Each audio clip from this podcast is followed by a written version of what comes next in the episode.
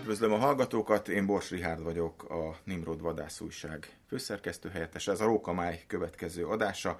Mai vendégem Szári Zsolt, a Balatoni Hallgazdálkodási Nonprofit ZRT vezérigazgatója, és nem mellesleg a Balaton élővilágának megóvásáért felelős miniszteri biztos. Köszöntelek, örülök, hogy eljöttél. Köszönöm én is a meghívást, üdvözlök mindenkit az éteren keresztül. Mai témánk Káró katona kormorán. Gondolom ott a Balatonnál vannak páran. Hát igen, most ez egy eléggé időszerű, eléggé időszerű probléma, ami nem új keletű egyébként, de most már nagyon tartatatlanná vált a helyzet. Én személyesen 1991 óta tudok ebben a témában szerintem megalapozott biztonsággal véleményt formálni. 91 óta mm, dolgoztam tógazdaságban, egészen 2004-ig Irmapusztán, és én ott észleltem, hogy valami, valami bajság kezdődik.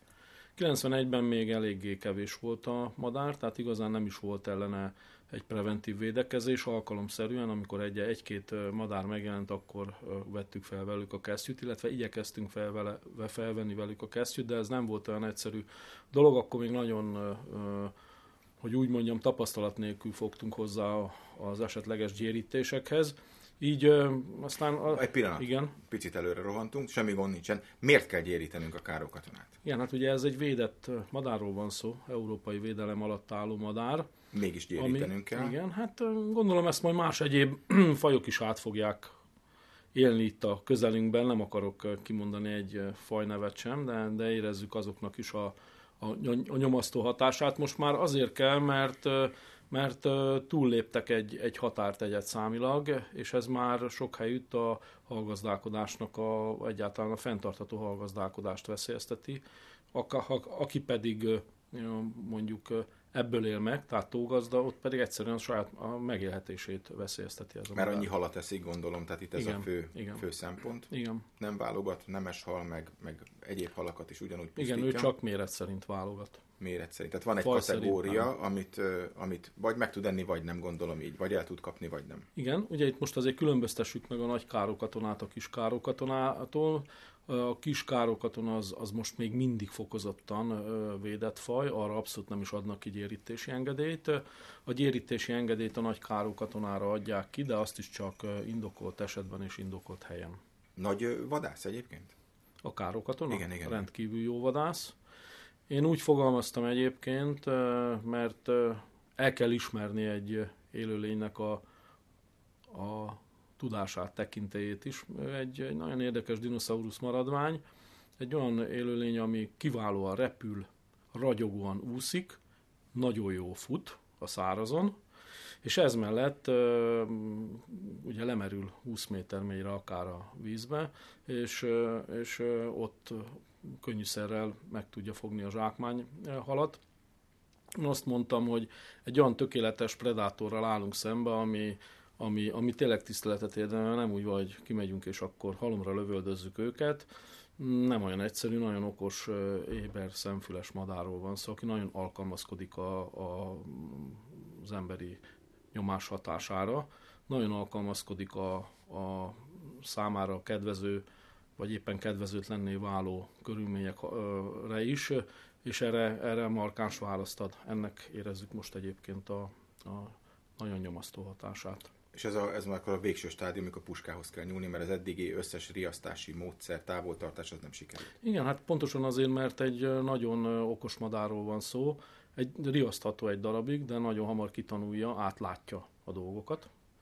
Tehát például egy a, a gyérítésnél, amikor mondjuk csalimadárra gyérítünk, és két kormorán bejön, két idős kormorán bejön, abból ha az egyik túl éli a beavatkozást, akkor őt már többet csalimadára nem fogjuk tudni becsapni.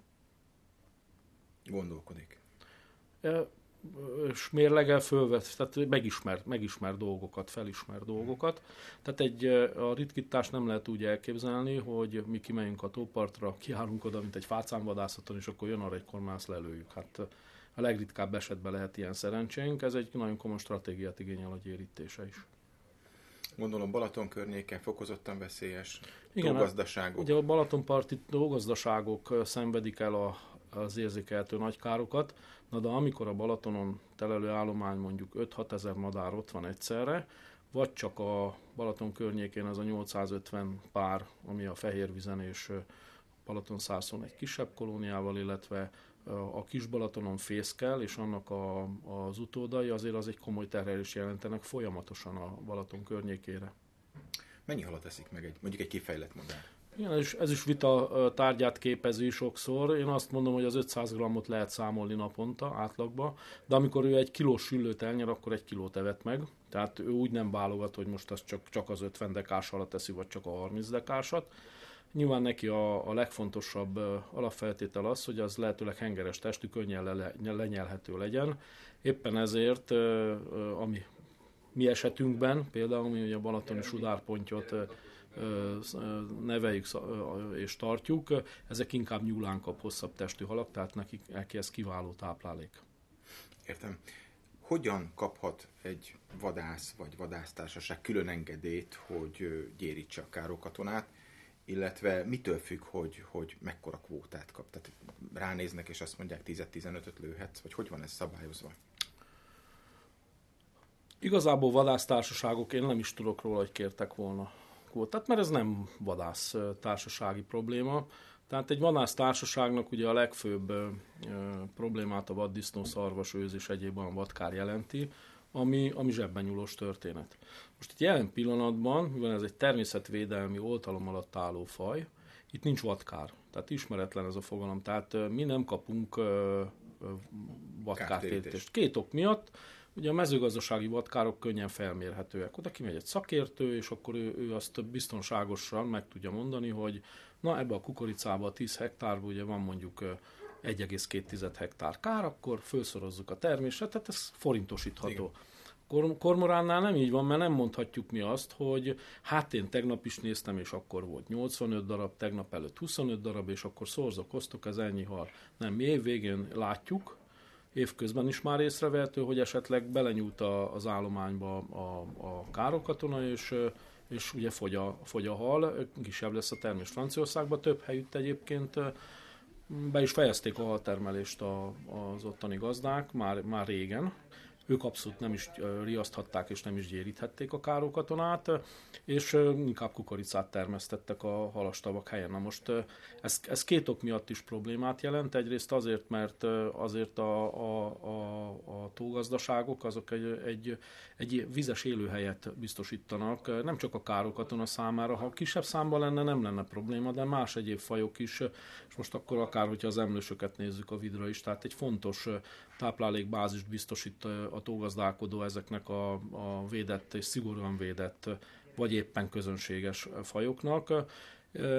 Ugyanakkor a mezőgazdasági termelő, ha lehet így fogalmazni, egy kultúrsivatagot csinál, amikor ő kukoricát és búzát termeszt. Tehát itt, na, és ő kap vadkárt, még a hallgazdálkodó nem kap vadkárt, kezébe adták a lehetőséget, gyéríthet. Éppen ezért a vadásztársaságok nem avatkoznak bele a vadókba, nem az ő területükön történik ez a probléma. Fel is teszik a kezüket, hogy ők, ők, ők itt nem szívesen segítenének ebben a, a történetben. Úgyhogy magának a hallgazdálkodónak kell megkérni egyrészt az engedélyt, természetvédelmi hivatal, ha kiadja a gyérítésre és a, a legfőképpen a riasztásra. Több helyét van, hogy csak riasztásra adnak engedélyt. Van olyan hely, aztán ahol nagyobb a nyomás és érzékelik a természetvédelmi hivatalba is, hogy ez problémás, akkor kiadják a gyérítési engedélyt, de ezt magunknak kell megoldani, sőt, annyira szigorú a, a történet, mivel egy vadászterületnek a, a helyszínén történik a gyérítés, a vadász társasággal kell megegyezni, tőle kell kérni hozzájárulási engedélyt, és meg kell nevesíteni azokat a, a, a lőfegyverrel lőfegyvertartási engedélyen rendelkező um, halőröket, akik részt vesznek a gyérítésben. Tehát nem úgy, hogy én meghívlak téged, vagy a barátomat, hogy gyere, kimegyünk kormoránozni egyet. Uh-huh. Tehát ez nem így működik, megvannak azok az emberek, akik ezt végezhetik, szigorúan beírófüzet,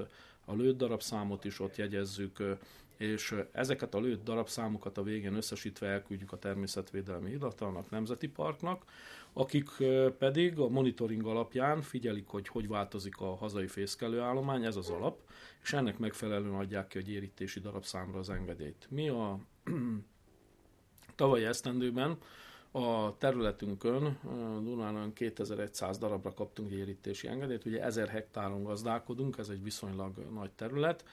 2000 darabot ejtettünk el tavaly, a legtöbb eddig torony magasan, amit sikerült terítékre hoznunk.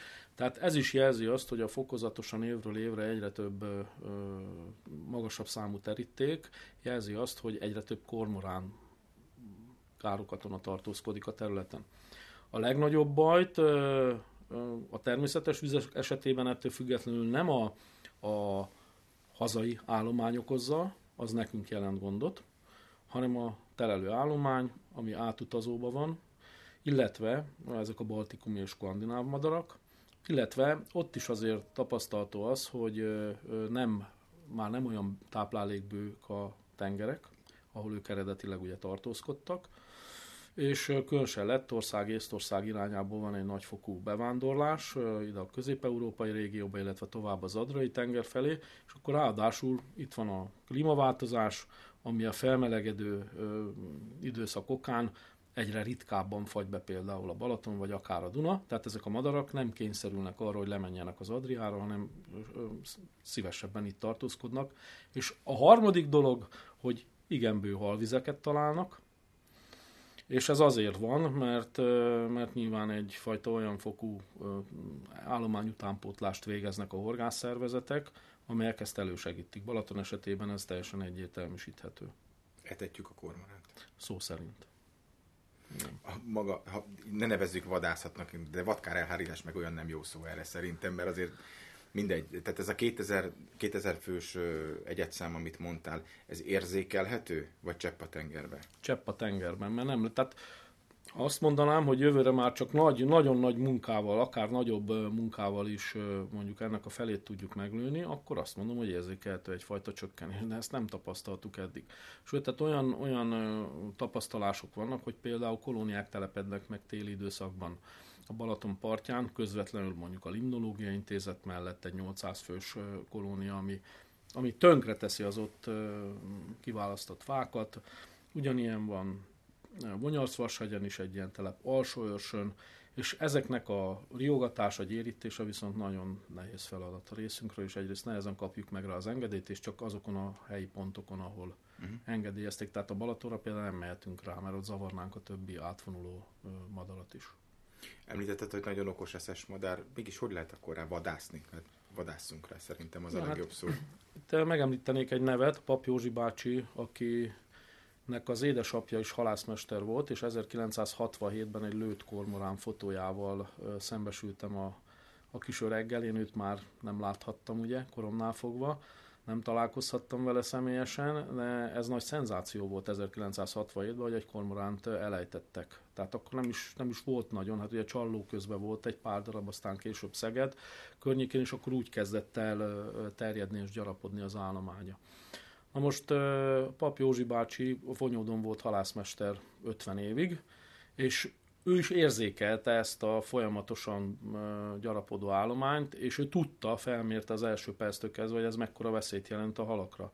És ő egy, egy ilyen megszállott kormoránvadász lett, aki most már nyugdíjas egyébként, de visszadolgoztatjuk, és ő az egyik legfőbb kormorán gyérítő emberünk, aki kidolgozta azt a stratégiát, hogy fér a legjobban, legkönnyebben a madárhoz.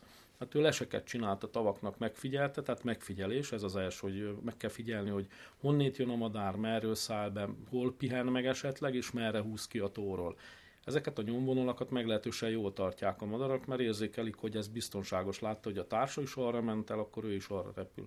Most a Józsi bácsi ezeket felmérte, és olyan helyekre tett be beülőket, álca stégeket kis kilövő nyílással, ahova bekuporodott reggel, és estig ott ült, és a beérkező, a tóra érkező madarakat ott tudta jól elkapni. Tehát ez egyfajta stratégia mentén, hadászati stratégia mentén történik a kormorán gyérítése. Esetleg lehet látni azt is, hogy, hogy melyik tóra szállnak be, merre indulnak el, és akkor a tóparton is lehet elhelyezkedni, úgy, de nagyon el kell bújni, nagyon átszázni kell magunkat, mert különben kikerül a madár bennünket.